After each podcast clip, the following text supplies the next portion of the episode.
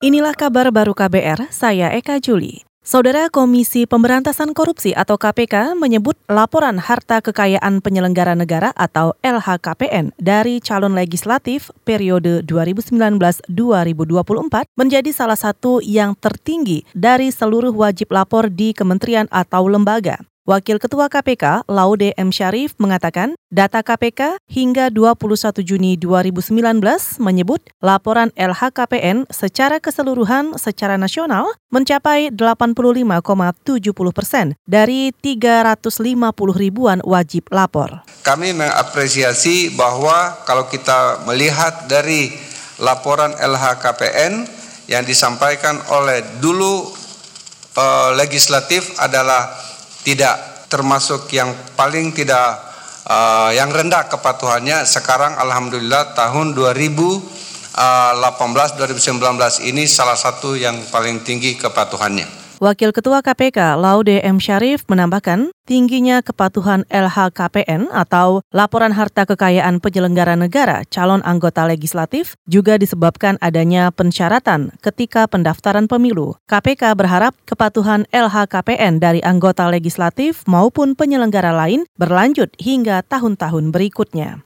Kita ke informasi cuaca. Badan Meteorologi, Klimatologi, dan Geofisika atau BMKG menyebut rata-rata wilayah daratan Indonesia akan lebih panas 0,2 derajat hingga 0,3 derajat Celcius pada 2020 hingga 2030 jika dibandingkan rata-rata suhu udara pada 2005 hingga 2015. Deputi Klimatologi BMKG Herizal mengatakan wilayah yang diperkirakan mengalami kenaikan suhu tertinggi pada 2020-2030 adalah Sumatera Selatan, bagian tengah Papua, dan sebagian Papua Barat, sehingga diperlukan upaya adaptasi dan mitigasi untuk mengantisipasi suhu udara permukaan yang semakin panas di masa yang akan datang. Deputi Klimatologi BMKG Herizal juga menambahkan, fenomena suhu tinggi di Timur Tengah tidak dapat langsung dikaitkan dengan perubahan iklim di Indonesia.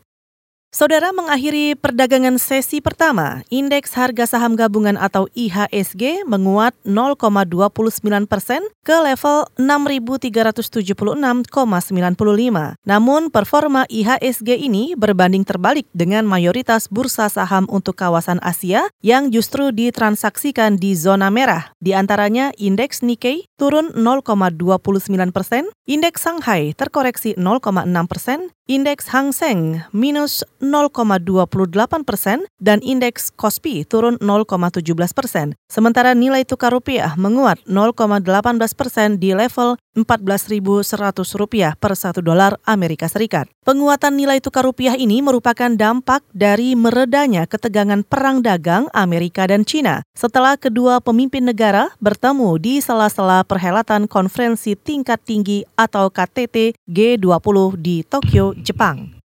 Kita ke Jawa Tengah. Nelayan di Kabupaten Cilacap kesulitan memasarkan salah satu komoditas unggulan nasional ikan cakalang karena satu-satunya pabrik pengolahan cakalang di Cilacap menolak barang dari Cilacap. Ketua Himpunan Nelayan Seluruh Indonesia atau HNSI Cilacap Sarjono menduga ada perjanjian kerja antara pabrik pengalengan cakalang Cilacap dengan perusahaan-perusahaan besar di Jakarta atau Surabaya yang mengakibatkan ikan cakalang dari daerah itu justru tidak bisa masuk ke pabrik tersebut. Cilacap juga ada pabrik cakalang juga ada untuk pengalengan namun nggak mau menerima barang dari Cilacap mungkin dia sudah ada MOU dengan uh, ini perusahaan-perusahaan besar yang ada di Jakarta maupun di Surabaya. Iya, kalau ada saingannya untuk di, di sini didirikan pabrik untuk pengalengan, namun yang bisa menerima hasil daripada uh, para nelayan yang ada di Cilacap ya itu lebih bagus. Kalau ini kan kita juga masuk sulit. Ketua Himpunan Nelayan Seluruh Indonesia atau HNSI Cilacap, Sarjono menambahkan, saat ini tangkapan tuna dan cakalang di Cilacap melimpah. Apalagi satu kapal bisa menangkap sekitar 100 hingga 200 kg per hari atau 2 hingga 4 ton sekali melaut. Ikan cakalang ini dihargai Rp19.250